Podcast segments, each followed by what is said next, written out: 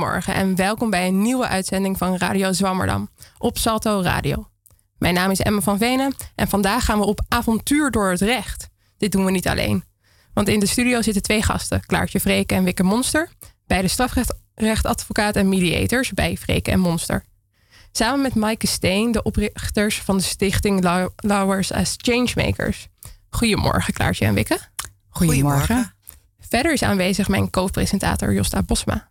Goedemorgen, Josta. Goedemorgen. Heb jij enige ervaring met het Nederlandse recht? Uh, nee, persoonlijk niet. Gewoon wel wat ik uit de boeken heb geleerd. Maar, uh... Zelfs geen boete voor fietsen zonder licht? Nee, daar ben ik altijd goed uh, langs gefietst, langs die controles. Ja. En Wikke, voor mensen die niet zoveel weten van het recht en de rechtspraak in Nederland, kan je kort uitleggen hoe dat er ongeveer uitziet? Um, zo, jij dacht, uh, maak Wikke direct even wakker. um, nou, wij leven in een rechtsstaat. En dat betekent dat uh, de rechterlijke macht onafhankelijk is. En uh, de rechters worden voor het leven benoemd. Um, om ervoor te zorgen dat ze onpartijdig en onafhankelijke beslissing kunnen nemen. En ik ben uh, vooral bekend met het strafrecht. En daarin is het in Nederland de officier van justitie die beslist of iemand voor de rechter moet komen of niet. En die doet dat in principe alleen als hij een bewijsbare zaak heeft. Dus als strafpleiter, wat ik van huis uit ben, sta je over het algemeen 10-0 achter als je aan een zaak begint. Want ja, de officier van justitie die heeft meestal voldoende bewijs. En dan is het dus niet zo dat soort van je aangifte doet en dat er dan automatisch een rechtszaak nee, volgt. Uh, sterker, ik zou eerder zeggen het omgekeerde. Uh, ik weet geen cijfers, maar ik, volgens mij is het ook wel algemeen bekend dat ja, als jij slachtoffer bent van een diefstal van je fiets of een inbraak in je woning, dat de kans heel klein is uh, dat er vervolgd gaat worden. Maar dat geldt ook voor ernstiger feiten, zoals bijvoorbeeld um, een verkrachting. En Klaartje, zit er dan, zijn er verschillen tussen het Nederlands rechtssysteem en andere rechtssystemen? Hm. dat is wel en uh, meteen ook een moeilijke vraag. Um, zijn er verschillen? Ja, er zijn heel veel verschillen uh, tussen rechtssystemen. Um, en ik ben gespecialiseerd in Nederlands recht. Dus ik, ik kan niet zoveel heel veel zeggen over andere rechtssystemen. Maar één verschil is bijvoorbeeld dat in andere landen een jurysysteem geldt dat, dat gewone leken mogen oordelen over een, uh, een rechtszaak. En dat is in Nederland niet zo. En dat gaat voorlopig ook niet gebeuren. Nee, dat is zeg maar het beeld wat we misschien kennen uit de film. Ik heb gisteren toevallig als voorbereiding ook nog de Lincoln Law gekeken. Oké. Okay. Dat heb ik nog nooit gezien. Dat, dat is inderdaad eh, juryrechtspraak. Dat vind ik wel iets fascinerends. Um, maar dat gebeurt dus niet in Nederland. Nee, het Nederlandse rechtssysteem is oerzaai. Dus als je, uh, zeg maar, en dan is het strafrecht, zeg maar, nog het spannendst qua zitting als leek om daar naartoe te gaan. Maar zelfs dat lijkt niet op het Amerikaanse systeem wat we kennen van de spannende films. Mag je daar zomaar naartoe? Ja, zittingen zijn openbaar. Ja. Maar, zie je, dit, dit wist ik dus bijvoorbeeld nee. al niet. Um, en er wordt de afgelopen tijd veel geklaagd in de media door rechters en advocaten. En eigenlijk iedereen die betrokken is bij de rechtspraak, dat er um, een hele hoge werkdruk is. Herkennen jullie dit ook? Jazeker, er is een hele hoge werkdruk. Um, ik denk in de rechtspraak is het zo dat uh, voor rechters en officieren geldt ook een, uh, een, een uh, werknorm. Dus ze moeten gewoon een bepaalde hoeveelheid zaken per jaar afdoen. Dus als jij van tevoren zegt als advocaat van nou volgens mij moet deze zaak helemaal niet op zitting komen, er is niet genoeg bewijs.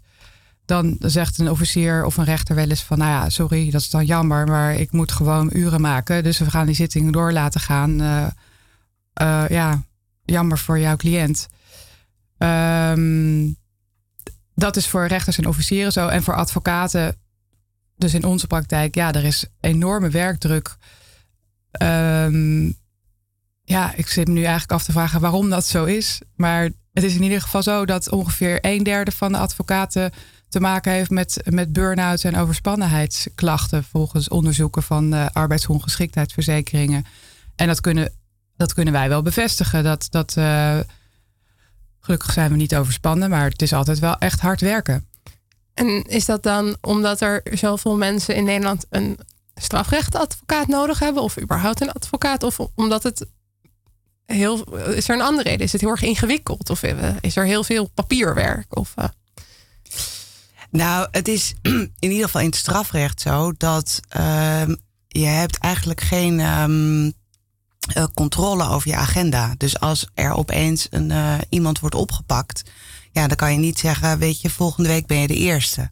Dus um, ja, en als dat een grote zaak is, dan gebeurt er direct heel veel. Dan, afgezien van het feit dat je heel snel moet schakelen in, in de vraag: is er bewijs en krijg ik iemand vrij? Uh, heb je te maken met familie, um, werk? Um, ja, iemand zit vast. Dus je bent dan op zo'n moment de enige, meestal, uh, die het contact nog onderhoudt met de buitenwereld. Dus dat legt dan heel veel druk op zo'n moment. Maar ja, het is ook verantwoordelijk werk. Je hebt natuurlijk toch te maken met. Uh, vaak is een strafzaak toch heel ingrijpend voor mensen. En um, in onze manier van werken gaat het niet zozeer erom dat we per se een vrijspraak uh, proberen te bereiken. Maar je wil wel, ja, als je de hele strafzaak bekijkt, een zo goed mogelijke uitkomst voor je cliënt. En daar gaat gewoon tijd in zitten. Door goed met hem te praten, uh, alle aspecten in, in kaart te brengen, maar ook dingen die dus wat verder weg van de zaak liggen. Ja, um, laten we verder ingaan op soort van hoe jullie dat doen. Want in 2014 zijn jullie samen een kantoor begonnen. Uh, Freken en Monster. En daarvoor werkten jullie alle twee bij verschillende advocatenkantoren. Is er nog een specifieke reden dat jullie dachten, nou, we willen dit toch eigenlijk zelf doen? Of vonden jullie het gewoon gezelliger met z'n tweeën? Allebei. Nee, dus de, de, dat laatste zeker ook. Um, en voor mij waren er twee redenen. En ik denk, nou ja, ik denk voor Wik ook, maar dat mag je misschien zelf aanvullen zo. Eén uh, is um, gewoon praktisch. Dat je meer vrijheid hebt als, uh, als je je eigen kantoor hebt en je eigen tijd kan indelen. Als je bij een advocatenkantoor werkt. Nou, daar staan ze ook wel onbekend. Uh, dan heb je allemaal urennormen en omzetvereisten. En, um, dat heb je niet als je je eigen kantoor hebt. Je moet gewoon zorgen dat je je rekeningen kan betalen. En wanneer je, dat, wanneer je werkt, dat mag je zelf bepalen. Dus dat was heel belangrijk voor ons, ook omdat we allebei een gezin hebben. Uh, en het tweede was dat wij op zoek waren naar een meer harmonieuze manier van werken. En als strafrechtadvocaat word je opgeleid om, om vooral zoveel mogelijk zand in de molen uh, te gooien en heel hard te gaan vechten.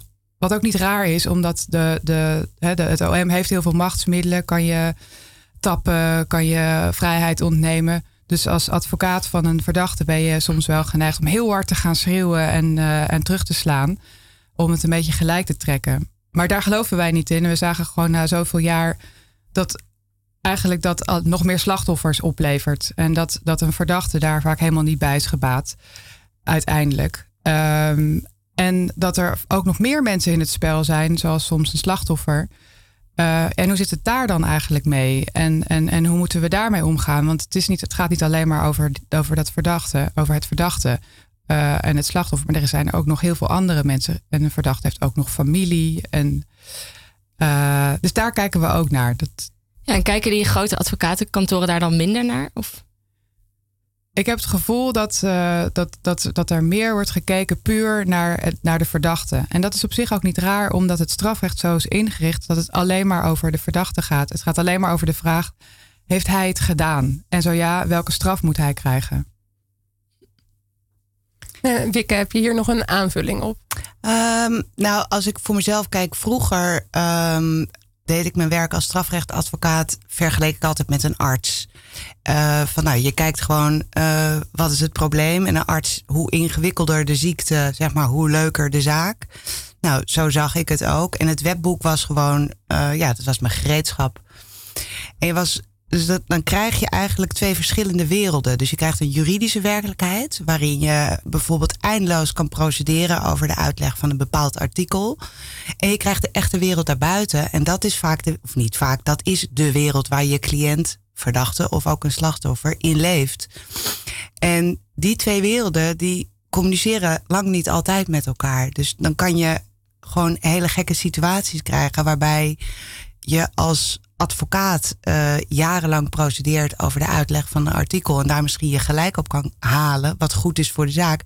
Maar ondertussen is jouw cliënt al helemaal kapot gegaan doordat hij jarenlang aan het wachten is op het afronden van de zaak. En het gevoel heeft dat hij niet verder kan met zijn leven, omdat die zaak nog niet is afgerond. En wij willen dat niet scheiden. Wij snappen eigenlijk niet waarom je uh, uh, twee verschillende werelden zou moeten hebben. Is dat niet best wel ingewikkeld als je. Of zijn jullie de enige die dat doen? Want als jullie de enige zijn in een heel systeem wat, nou ja, misschien niet helemaal zo werkt, lukt dat dan een beetje? Uh, nou, als ik eerlijk ben, um, ik vind het. Ik zou het niet meer anders willen. Dus op het moment dat je op een gegeven moment ziet van, oh, zo doen we dat en zo wil ik dat niet meer doen, dan ja, ik zou niet meer het op een andere manier kunnen doen. Maar ik zit ook heel vaak huilend onder de tafel. En dan denk ik, wie had bedacht dat dit een goed idee was? Omdat je echt ook aan het pionieren bent. En ja, je hebt natuurlijk nog steeds het belang van je cliënt. Uiteindelijk, daar doe je het voor. Dus je kan geen, ja, je kan je niet veroorloven om een beetje fouten te gaan zitten maken. Maar we Dus- zijn niet meer de enigen die dit doen, zo gelukkig. Dus eh, we komen wel eens in een rechtszaal waar we, ehm, waar we zien dat, dat er een rechter of een officier is die open staat voor een andere benadering en daar ook ruimte voor geeft. En, en we organiseren heel veel bijeenkomsten en, eh, en, en eh, ja, zijn wel een beetje een netwerk aan het ehm, opbouwen van juristen die het anders willen. Want er is wel echt heel veel behoefte aan. Ja, daar gaan we het zo, of eigenlijk bijna nu, verder over hebben. Want er is een link tussen wat we eerder besproken, de werkstress en jullie stichting, eh daar is als changemaker, en mindfulness. Want jullie gebruiken mindfulness om meer een holistisch, harmonieus beeld ehm, van het recht te geven, maar ook in de praktijk. En voordat we het daar verder over gaan hebben, gaan we eerst even luisteren naar het, een fragment van het UNLP, het Instituut voor Communicatie en Persoonlijke Ontwikkeling, waarin wordt uitgelegd wat mindfulness is. Stress. Maar liefst 78% van de Nederlanders ervaart regelmatig stress. Uit onderzoek blijkt dat stress de belangrijkste oorzaak is van zowel mentale als fysieke klachten. 1 op de 7 werknemers had in 2014 burn-out klachten en 5 miljoen mensen ervaren dagelijks slaapproblemen. Stress is dus een probleem. Waar komt het vandaan en wat kunnen we eraan doen? De meeste mensen kunnen prima ontspannen, bijvoorbeeld door het kijken van televisie, het lezen van een goed boek of door te sporten. Toch is het effect hiervan veelal niet blijvend. Er zijn namelijk twee onderliggende oorzaken van stress. In ons hoofd zijn we ofwel in het verleden ofwel in de toekomst. Maar liefst 80% van onze tijd besteden we aan het leven in de toekomst of in het verleden. We zijn voortdurend allerlei films aan het afspelen van gebeurtenissen die al hebben plaatsgevonden of die nog moeten plaatsvinden. En stress is het gevolg. En mindfulness is de oplossing. Mindfulness is erop gericht om volledig in het heden te kunnen zijn, te genieten van hetgeen er nu is, zonder oordeel en zonder verwachtingen. Wetenschappelijk onderzoek naar de effecten van mindfulness is overduidelijk. Mindfulness loont. Er zijn talloze voorbeelden te noemen, zoals een verbeterd reactievermogen en concentratie, toenemend empathisch vermogen, afnemende kans op een burn-out, een sterker immuunsysteem, afname van angst en depressie, gunstige effecten voor mensen met verslavingen, afname van chronische pijn, waaronder rugklachten, verbetering van de algehele levenskwaliteit en een toename van controle over je emoties. Mindfulness verbetert je psychologisch functioneren, je lichamelijke gezondheid en je algehele levensvreugde.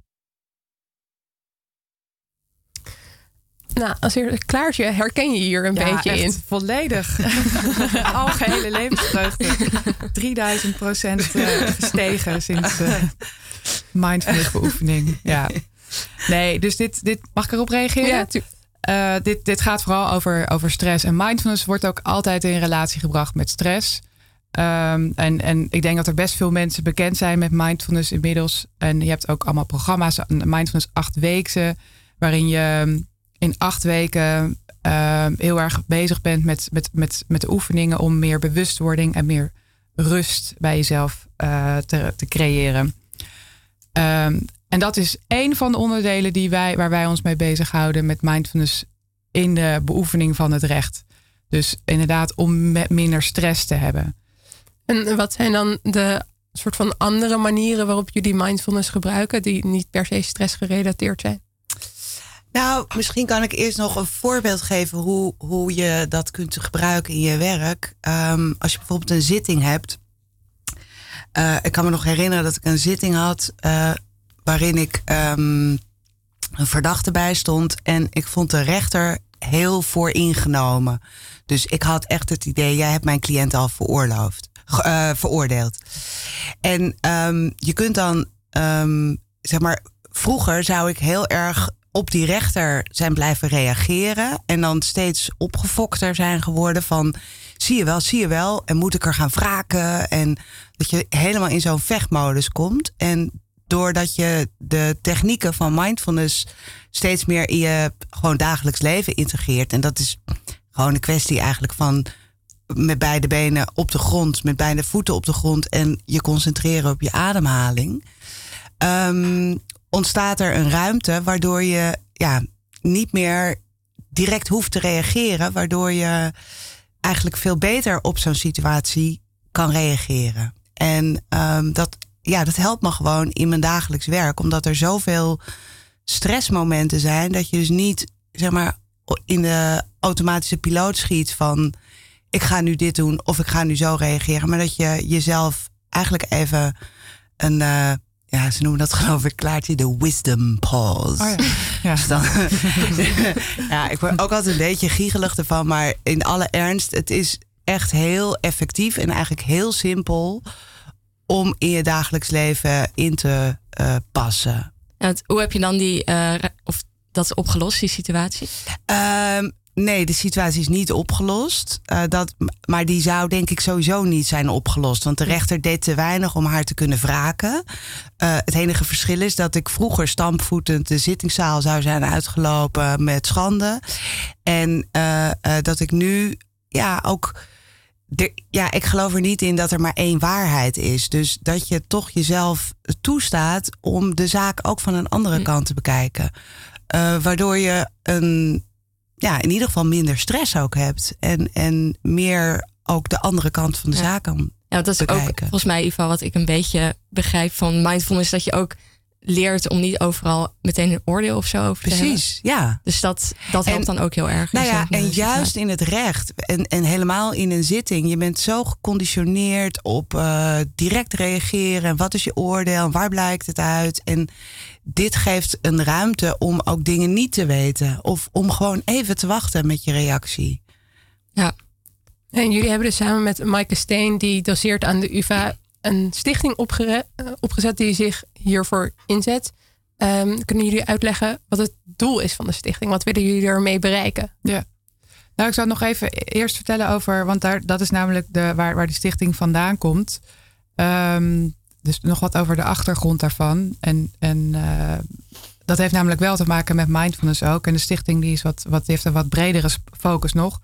Maar mindfulness en om dat te integreren in het recht, dat is dus niet, uh, dat, dat is, daar zijn wij niet de eerste mee. Uh, sterker nog, we zijn daar veel later mee dan bijvoorbeeld in Amerika. We kwamen erachter dat in Amerika aan de Universiteit van Berkeley het vak mindfulness in law werd gedoseerd. En toen dachten wij, oh wat gaaf, dat moeten we in Nederland ook gaan doen. Want uh, waarom zijn, hè, dus hoe kan het dat je overdag in de rechtszaal staat te schreeuwen en te stressen en dat je s'avonds lekker in de yogaschool uh, weer helemaal zen wordt? Kan dat niet wat, wat meer gelijkmatig worden allemaal?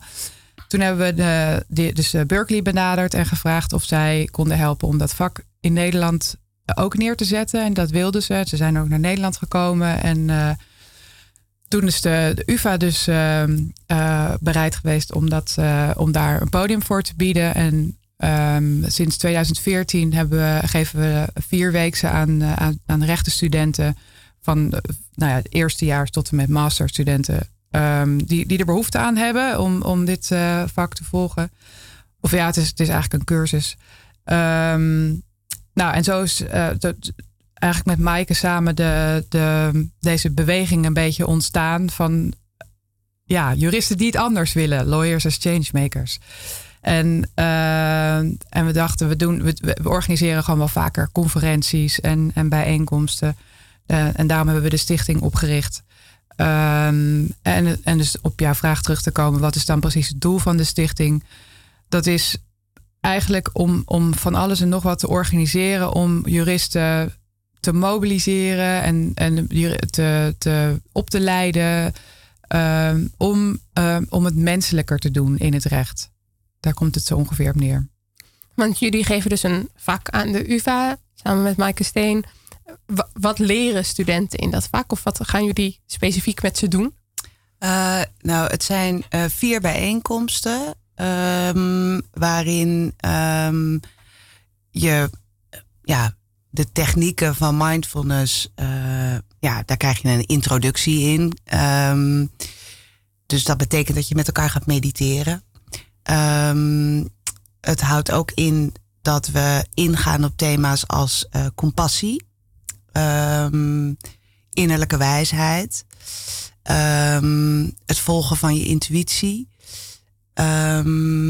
Klaar, wat hebben we nog meer? Geweldloze communicatie komt er Ethiek. meestal ook. Ethiek, ja, oh natuurlijk, ja. Misschien kan jij daar nog wat. Uh... Ja, dus, dus wat, we, we, beginnen gewoon met de basis mindfulness, zoals je net in dat fragment hebt gehoord, van wat is stress en, en hoe kom je, uh, hoe word je eigenlijk rustiger, zodat je meer overzicht houdt en ook gewoon meer plezier in je werk. Hoe hou je het vol anders? Uh, want er komt nog wel wat op je pad soms als, als advocaat of als rechter of officier. Um, dan, dan hebben we het inderdaad over compassie. Omdat als je meer bewust wordt van jezelf en je eigen behoeften, je eigen gedachten, dan kan je ook daar meer begrip voor kweken eigenlijk. En als je bij meer zelfcompassie kan hebben en de ruimte geven aan wat jij vindt, dan kun je ook meer compassie voor de ander krijgen. En, en begrijpen van oké, jij hebt jouw standpunt, ik heb mijn standpunt en hoe gaan we tot elkaar komen. Um, en dan is eigenlijk de, de volgende stap om, om dan, als je dus wat bewuster wordt van jezelf en je ook je fysieke gewaarwordingen, hè, dat is dus waar het fysieke element uh, ook echt van belang is. Um, hoe kan je ook jouw waarde integreren in jouw werk? Dus waar jij voor staat. Want iedereen herkent het gevoel wel dat je ergens mee bezig bent en dat er iets knaagt aan je. Van, eh, dit voelt niet helemaal lekker. Maar heel veel mensen weten niet wat ze daarmee moeten. En, en dat is niet alleen bij juristen zo, maar bij juristen is het wel heel belangrijk dat je daar wel wat mee doet. En, en dus door, door de beoefening van, van mindfulness, of in ieder geval gewaarzijnsoefeningen, uh, kun je daar uh, naar gaan luisteren en dat gaan onderzoeken en, en het woorden gaan geven. Want zoals je al zei, jullie geven deze cursus eigenlijk niet alleen maar aan studenten, maar ook in verkorte versies aan juristen bij allemaal verschillende organisaties. Hoe worden jullie meestal ontvangen? Staan mensen er een beetje open voor? Uh, ja. ja, het is toch wel. Ik, uh, ik moet zeggen, toen Klaartje en ik. sorry. Um, volgens mij was dat in 2013. Um, aan elkaar vertelden wat we eigenlijk het liefste zouden willen in het recht. En dat was klaar uh, vanuit um, de mindfulness, wat zij zeg maar naar Nederland wilde brengen. En ik had een uh, heel idee over vergeving in het recht. Toen dachten we, nou, we worden echt met pek en veren de beroepsgroep uitgejaagd. Jullie zijn helemaal hartstikke gek geworden dat jullie dit willen doen. En het omgekeerde is gebeurd. Dus, um, nou ja, waar Ma uh, Klaartje net over vertelde, over de bijeenkomsten, dat is best een grote groep geworden. Met dus rechters, officieren, advocaten, wetenschappers, die uh, komen we samen. En dus ook daarbuiten um, zijn mensen heel ja, geïnteresseerd in wat we doen. Dus ja, ik heb wel echt het idee, nou ja, nu zitten we dan weer hier. Mm. dus dat er wel echt een, um, ja, een behoefte is aan een ander geluid. En dat iedereen ook wel een beetje klaar is met dat ja, hele eendimensionale, simpele uh, vechten.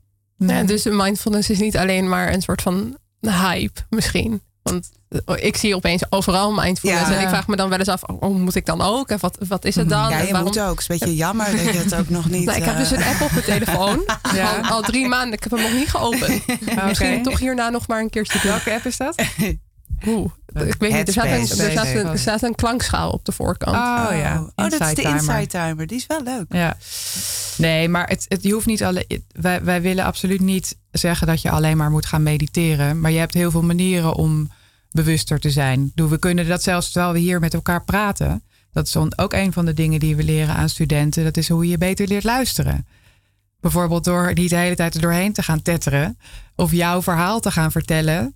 Maar als gewoon een goede vriend of zo uh, een keer zijn hart lucht bij jou. Hoe reageer je daar eigenlijk op? En, en, en wanneer voel jij jezelf gehoord? Wat, wat doet een ander waardoor jij je gehoord voelt? Dat zijn allemaal belangrijke dingen die, die, die studenten eigenlijk helemaal niet leren aan de universiteit. En je kunt het um, uh, ook vrij makkelijk. Uh, ik weet nog wel dat we in het begin een keer een workshop aan leden van het gerechtshof hier in Amsterdam gaven. Dus aan de griffiers en secretarissen. En dat na afloop um, een van die mensen naar mij toe kwam. Ja, ja, dat hele mindfulness. Ik ja, vind het best wel veel gedoe.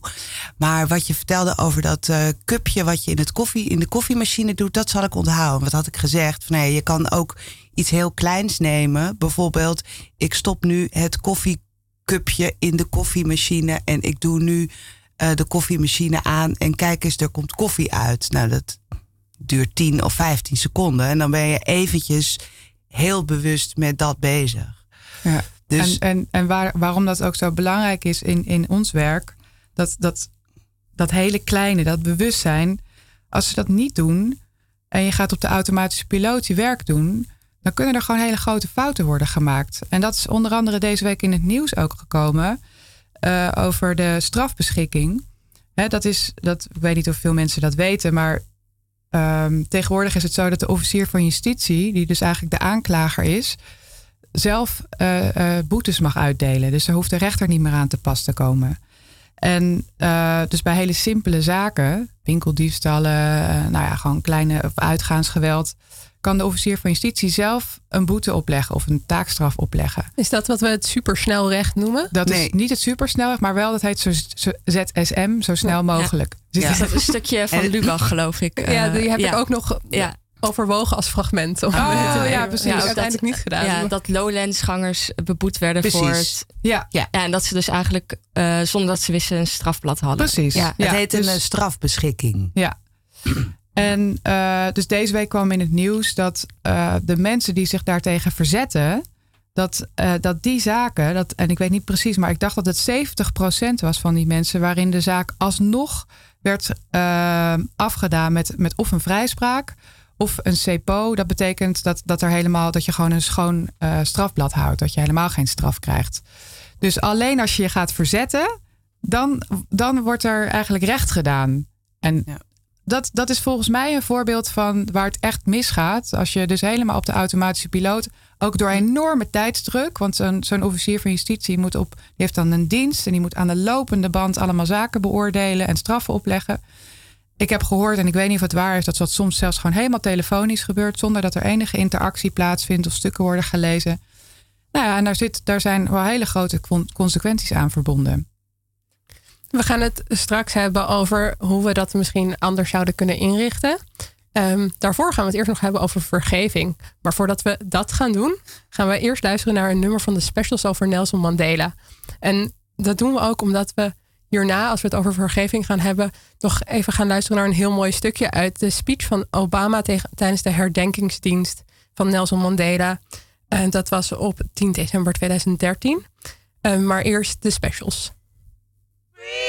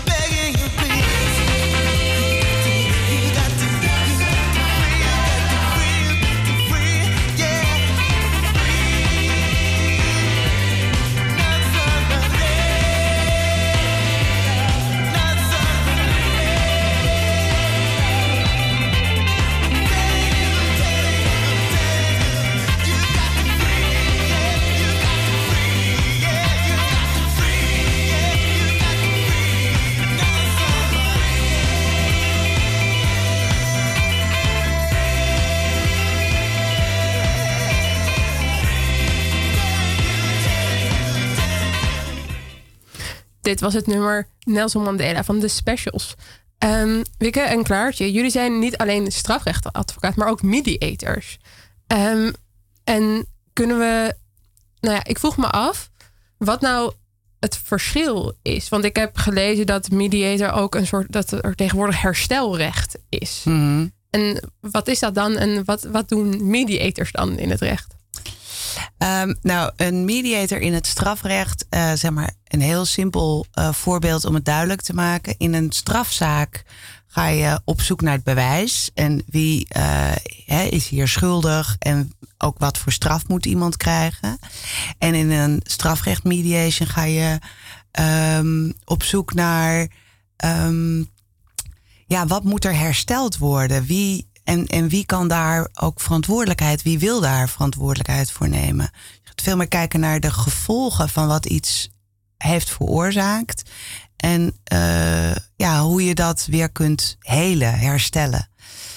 En um, ja, zelf, of nou, ik denk dat ik ook wel namens Klaartje spreek, is dat mediation op zich uh, heel veel mogelijkheden biedt. Maar ook daar zit je weer met tijdsdruk. Um, en wij zouden eigenlijk nog veel verder willen gaan. Dat je echt alle ruimte krijgt om uh, nou, ook echt op zoek te gaan naar herstel en heling. En in een strafrecht mediation nu, vandaag de dag, ja, is het toch eigenlijk de bedoeling dat het in een paar gesprekken zeg maar gefixt is. En dan bij voorkeur komt er ook nog een overeenkomst uitrollen die we dan weer aan de rechter kunnen laten zien van kijk eens, ze hebben het goed gemaakt. Dat kan ook iets uh, ja, kunstmatigs hebben of ja, toch een beetje nep. Maar het moet er altijd wel langs een rechter dan, die uitkomt? Hangt er vanaf. Je hebt uh, grofweg twee mogelijkheden. Ofwel, voordat een zaak voor de rechter komt, is er een mediation geweest. En als die goed is afgelopen, um, uh, zegt het slachtoffer bijvoorbeeld: Ik wil niet dat de verdachte nog voor de rechter moet komen. Voor mij is het goed zo. En dat kan voor de officier van justitie dus een reden zijn om de zaak te seponeren, wat Klaartje net ook al noemde. Dus dan komt zo'n zaak niet meer voor de rechter. Uh, bij wat zwaardere zaken um, wordt mediation ingezet. Ja, toch om ervoor te zorgen dat mensen zo goed mogelijk um, weer met elkaar verder kunnen. En dan bij een succesvolle mediation wordt dat gebruikt door de rechter. Dat staat ook in de wet, dat de rechter daar rekening mee moet houden. En dat is dan in strafmatigende zin. Dus dan krijgt een verdachte over het algemeen een lagere straf, omdat er een mediation is geweest. Ik denk dat het belangrijkste verschil tussen een gewone strafzaak en een strafmediation is, is dat in een strafzaak, daar gaat het echt allemaal om wat er op papier is gezet. Door de politie, door, hè, door getuigen, door de, de, de, de verdachte zelf. En um, je wordt echt een zaak. Mensen voelen zich ook gewoon een zaak of een nummer worden. En in een mediation kan je je eigen verhaal gaan vertellen. Zonder dat wat, wat, wat je zegt meteen tegen je wordt gebruikt. En dat geldt dus zowel voor de verdachte als het slachtoffer. En dat krijg ik ook vaak terug van mensen. Van nou, ik ben zo blij dat ik gewoon kon vertellen wie ik was. En, en, en waar ik vandaan kom. En waarom ik iets heb gedaan. En uh, dat ik er spijt van heb. En, uh, ja, dus en dat geeft dus de kans om dat menselijkheid weer uh, in te brengen. Ja. Nee, ik wou zeggen wat je. Uh, er is natuurlijk uh, ook een heel groot verschil bij een mediation. Uh, zit je eigenlijk zoals wij nu zitten, dus aan een vaak ronde tafel. je kunt elkaar in de ogen kijken. En in een zittingszaal zit nog steeds meestal het slachtoffer achter de verdachte. Dus die kijkt naar de rug van de verdachte. En um, zeg maar alleen al het feit dat je gewoon als gewone mensen aan één tafel zit, uh, kan al zo'n verschil maken um, in wat je durft te zeggen en wat je wil zeggen. En, en zo'n zittingszaal nodigt eigenlijk alleen maar uit om ja, meer vast te houden aan je eigen bijvoorbeeld slachtofferschap of als verdachte van ik heb het niet gedaan, ik ga echt niks toegeven. Ja, dus daarin wordt vergeving veel moeilijker. En om dat nog even te introduceren, gaan we nu luisteren naar Barack Obama, die een speech geeft op de herdenkingsdienst van Nelson Mandela. There's a word in South Africa. Ubuntu.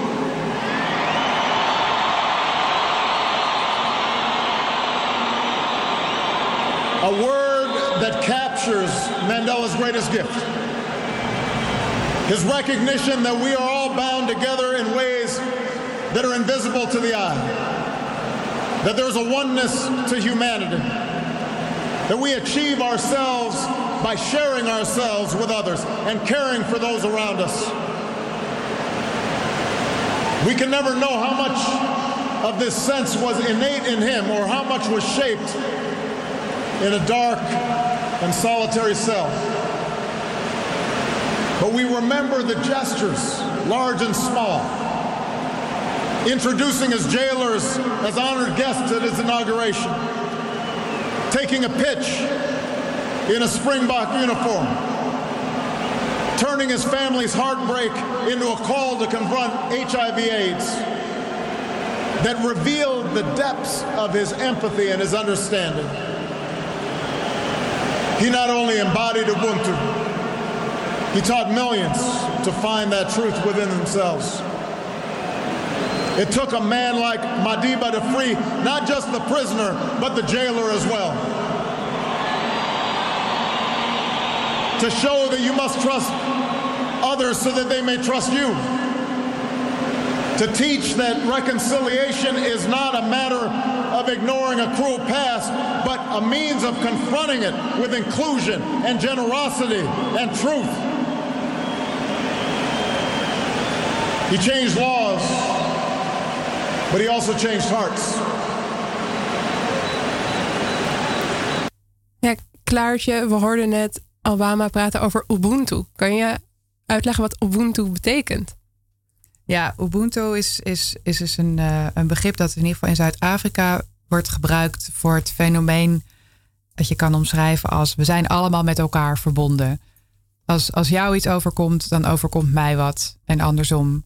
Dus gek genoeg, als jij mij wat aandoet, dan moet ik ervoor zorgen dat ik jou vergeef, want dan herstellen we allemaal.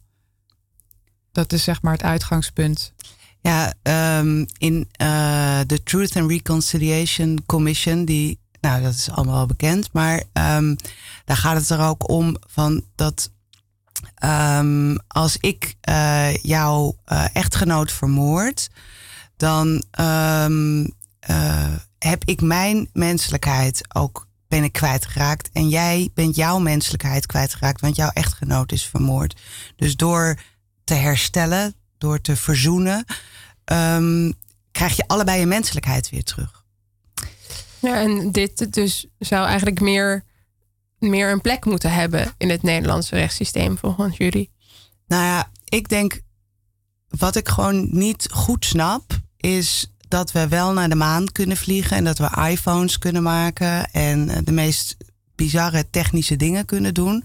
Maar dit, dat we niet uh, op een normale menselijke manier met uh, ja, de donkere of lelijke kant van ons mens zijn kunnen omgaan. En dat we eigenlijk uiteindelijk telkens niet verder komen dan het hele domme straffen. Wat goed is voor ons uh, gevoelens van uh, revenge. Maar gewoon eigenlijk niks oplost. En um, als je het hebt over vergeving. Ik mocht er dus een paar dagen geleden ook weer wat over uh, uh, vertellen bij een groep mediators.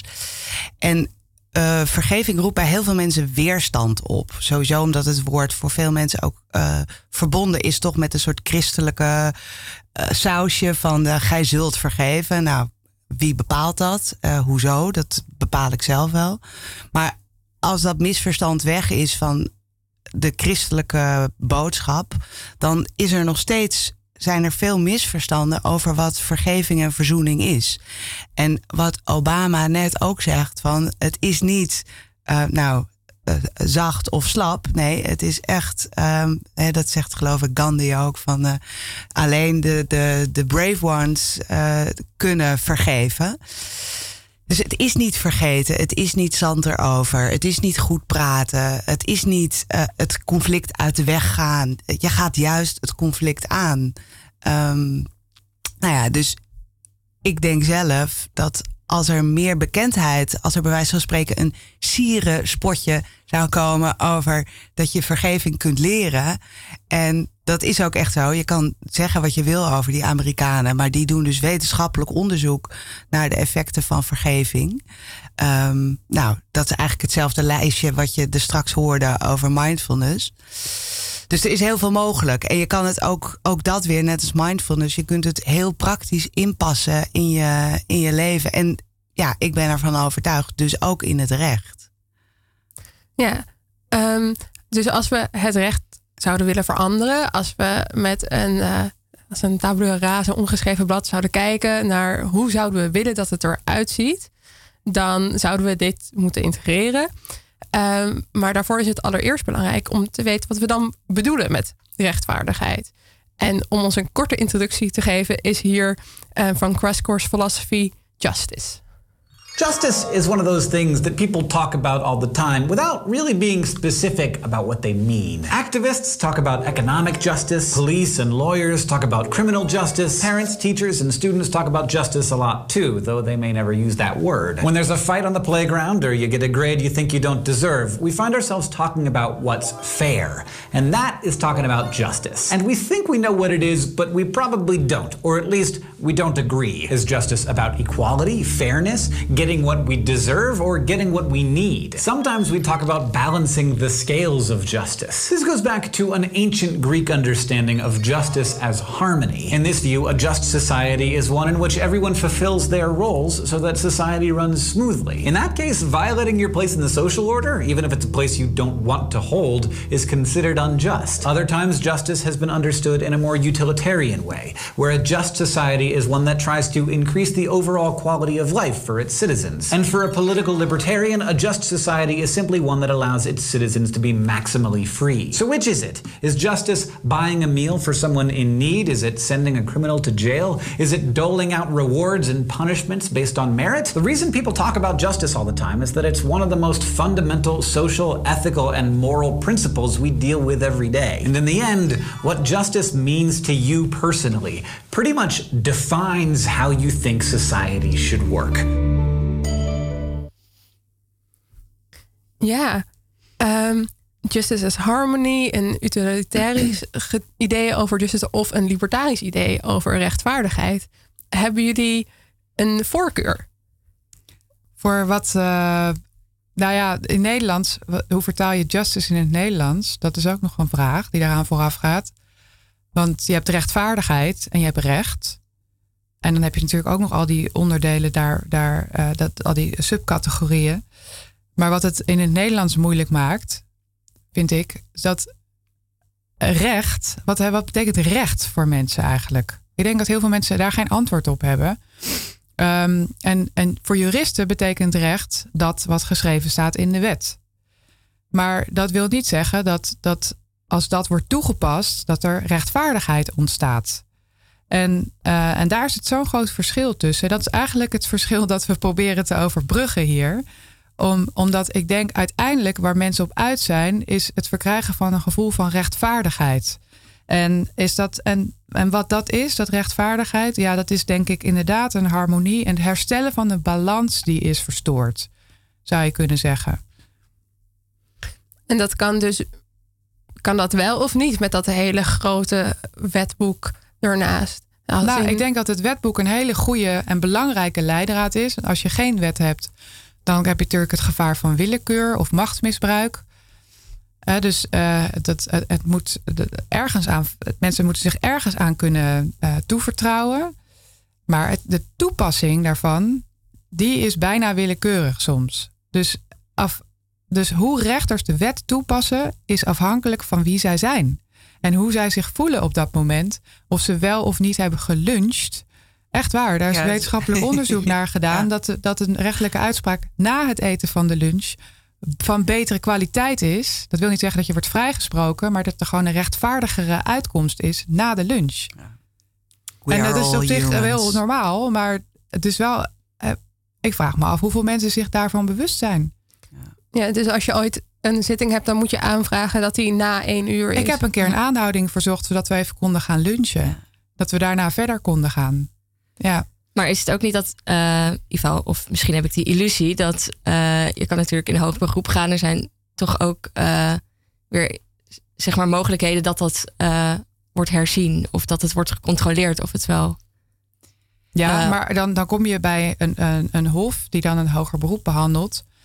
Ehm, en dat zijn nog steeds gewoon maar mensen. En, Maar dus de, daar- de nou ja, kans op fouten wordt dan toch wel kleiner als er meerdere mensen naar kijken.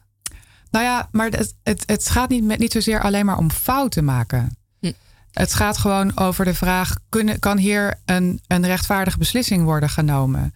En in hoeverre hebben rechters en dus ook officieren die eh, eh, eh, straffen opleggen, de moed om beslissingen, rechtvaardige beslissingen te nemen, die soms net even anders zijn dan wat de wet ze voorschrijft of wat hun bevoegdheden hen toelaat. Want ik zal even een voorbeeld geven. Ehm, ik had een zitting, eh, ik stond een verdachte bij die ook slachtoffer was. En ehm, er was dus een andere partij die ook verdachte en slachtoffer was. En het waren twee collega's die elkaar waren aangevallen op het werk. En waarom? Omdat zij eh, hele andere denkbeelden hadden en hele andere. Nou, ja, ze verschilden heel erg qua culturele achtergrond. De ene was homoseksueel. En eh, de ander was een, ehm, eh, een Surinaamse man met een christelijke achtergrond. En ehm, ze kwamen op zitting. Ik stond dus de ene partij bij. En ik wist dat de, de, de andere man, dat het een christelijke man was. Dus ik dacht, misschien is het onderwerp vergeving voor hem nog wel enigszins behapbaar. Ik, ik, ben daar, ik sta daar als advocaat van één partij en ik moet eigenlijk partijdig zijn. Dus wat ik daar, ik heb, ik heb die andere man aangesproken en gezegd: meneer, ik weet dat, dat, u, dat, dat u christen bent en, en ik wil graag weten, staat u ervoor open om, met, om te praten over vergeving met deze man? En wat ik daar deed was eigenlijk in strijd met mijn eigen beroepsregels. Want ik was bezig met iets wat, ja, kun je afvragen, is dat nou in belang van mijn cliënt of niet? Mijn cliënt had wel gezegd, het gaat mij erop, ik wil hier gewoon vanaf. Ik wil gewoon, hè, dit is mijn collega. Ik, ben, eh, ik wil gewoon weer normaal kunnen werken. En er waren ook nog een rechter en een officier van justitie. Wat, die wisten ook bij God niet wat ze met deze situatie aan moesten. En de rechter zei, nou, eh, weet u wat, eh, ga maar even naar de gang en dan zoek het maar uit. Dus ik heb op de gang staan bemiddelen tussen die mensen. En die hebben elkaar uiteindelijk ehm, omarmd buiten. En er viel enorme last van ze af. En toen kwamen we weer terug. En eh, toen zeiden we van, nou, dit is het resultaat. En ze trekken allebei hun schadevergoeding, eh, de tot schadevergoeding in. En ehm, die officier wist niet wat hij moest doen. En die rechter zei van, nou, oké, prima. Dan ga ik ook geen straf opleggen. Dan is het gewoon bij deze klaar. Dus, ehm, dus het vergt dus gewoon moed eh, om, om, om een beslissing te nemen die, die, die het beste is voor iedereen op dat moment. Of die nou bij jou past of niet. En die moed hebben mensen niet altijd. En daarnaast geldt weer die werkdruk, waardoor je ook vaak niet eens de ruimte hebt en de tijd om er echt naar te gaan kijken wat er, wat er dan nodig is voor die mensen. Want het draait om die mensen. Dus als we een nieuw rechtssysteem zouden willen bedenken, dan moet er meer tijd. Want tijd is noodzakelijk voor menselijkheid. Zouden we dat kunnen zeggen? Ja, zeker. Ehm, het schijnt zo te zijn dat eh, de meeste gevallen van hoger beroep in een strafzaak eh, gebaseerd is op het feit dat iemand zich niet gehoord voelt door de rechter. Dus wat jij net zei van ja, je hebt toch het recht van hoger beroep en dan kan die fout worden hersteld. Ehm, het gaat eigenlijk veel verder. Jij, ik, ik sta nu een jongen bij die wordt eh, beschuldigd van mishandeling en die is bij de rechtbank heeft de rechter gewoon niet naar hem geluisterd en heeft hem een hele zware straf opgelegd. En de realiteit is dat je dan vervolgens twee jaar bijna moet wachten voordat jouw zaak in hoger beroep wordt behandeld. En dit is gewoon nog een jonge gast. Die heeft zijn toekomst nog voor zich. En, en deze strafzaak drukt op hem. Terwijl tegelijkertijd hij best begrijpt dat er iets niet helemaal goed is gegaan. En dat hij daar verantwoordelijkheid voor moet nemen. En dat hij daar dus ook misschien wel een straf voor moet krijgen. Maar gewoon gaan zitten en luisteren. Wat heb je nou te vertellen? Um, dat zou al zo'n verschil maken als daar echt tijd voor is. Ja, want we hebben in Nederland ook de rechtercommissaris, die meer een soort van politierichter, noemen ze dat geloof ik ook wel, is. Die soms met de verdachte praat. Um, zouden we bijvoorbeeld meer rechtercommissarissen moeten hebben? Mm, Denk ik niet. Nou, bij ons in Nederland is de rechtercommissaris echt de onderzoeksrechter. Dus um, ja, het zou misschien in de, dat is dan in de voorlopige hechtenisfase. ehm, zou die daar wel meer tijd voor kunnen nemen voor een verdachte. Om, om het gesprek met hem aan te gaan. Het is ook, ja, in zo'n voorarrestfase is het de officier van justitie. Die praat even heel kort met de verdachte. En dan de rechtercommissaris praat even heel kort met de verdachte. En daarna zit hij twee weken vast. Ik denk dat ehm, eh, er zijn ook wel wat experimenten met, eh, op, op dit gebied. Het kabinet doet heel veel dingen niet goed wat, het, eh, wat de eh, rechtsstaat betreft. Met name eh, de financiën. Het wordt echt angst, veel bezuinigd. Maar wat wel interessant is, is de mogelijkheden voor experimenten. En ze willen onder andere ook gaan experimenten met, experimenteren met de vredesrechter. En dat is misschien een beetje wat jij bedoelt. Dat je inderdaad op een wat, wat laagdrempeliger niveau kan gaan praten. Gewoon zoals wij hier zitten, inderdaad. Van goh, vertel eens even, wat is er nou gebeurd? Wat is hier nou de beste oplossing? Waar dus een officier ook bij betrokken is en misschien ook een slachtoffer. Ja, dat je gewoon met elkaar kleinschalig een gesprek kan hebben. Om te kijken wat is, wat is, de beste, wat, wat is hier nodig. Dus misschien zou een soort van de autoriteit die de rechter heeft wat minder statig moeten zijn. Want zeg maar, we hebben het ook nu zo ingericht dat een rechter op een verhoging zit. Dat je helemaal niet, je kan je misschien helemaal niet voorstellen dat je met een mens, een persoonrechter, aan een tafel zou gaan zitten. Nee. Nou ja, dat zijn we dus nu bij de rechtbank Amsterdam. eh, gaan we daar dus ook nu mee experimenteren. Want er wordt de nieuwe rechtbank gebouwd.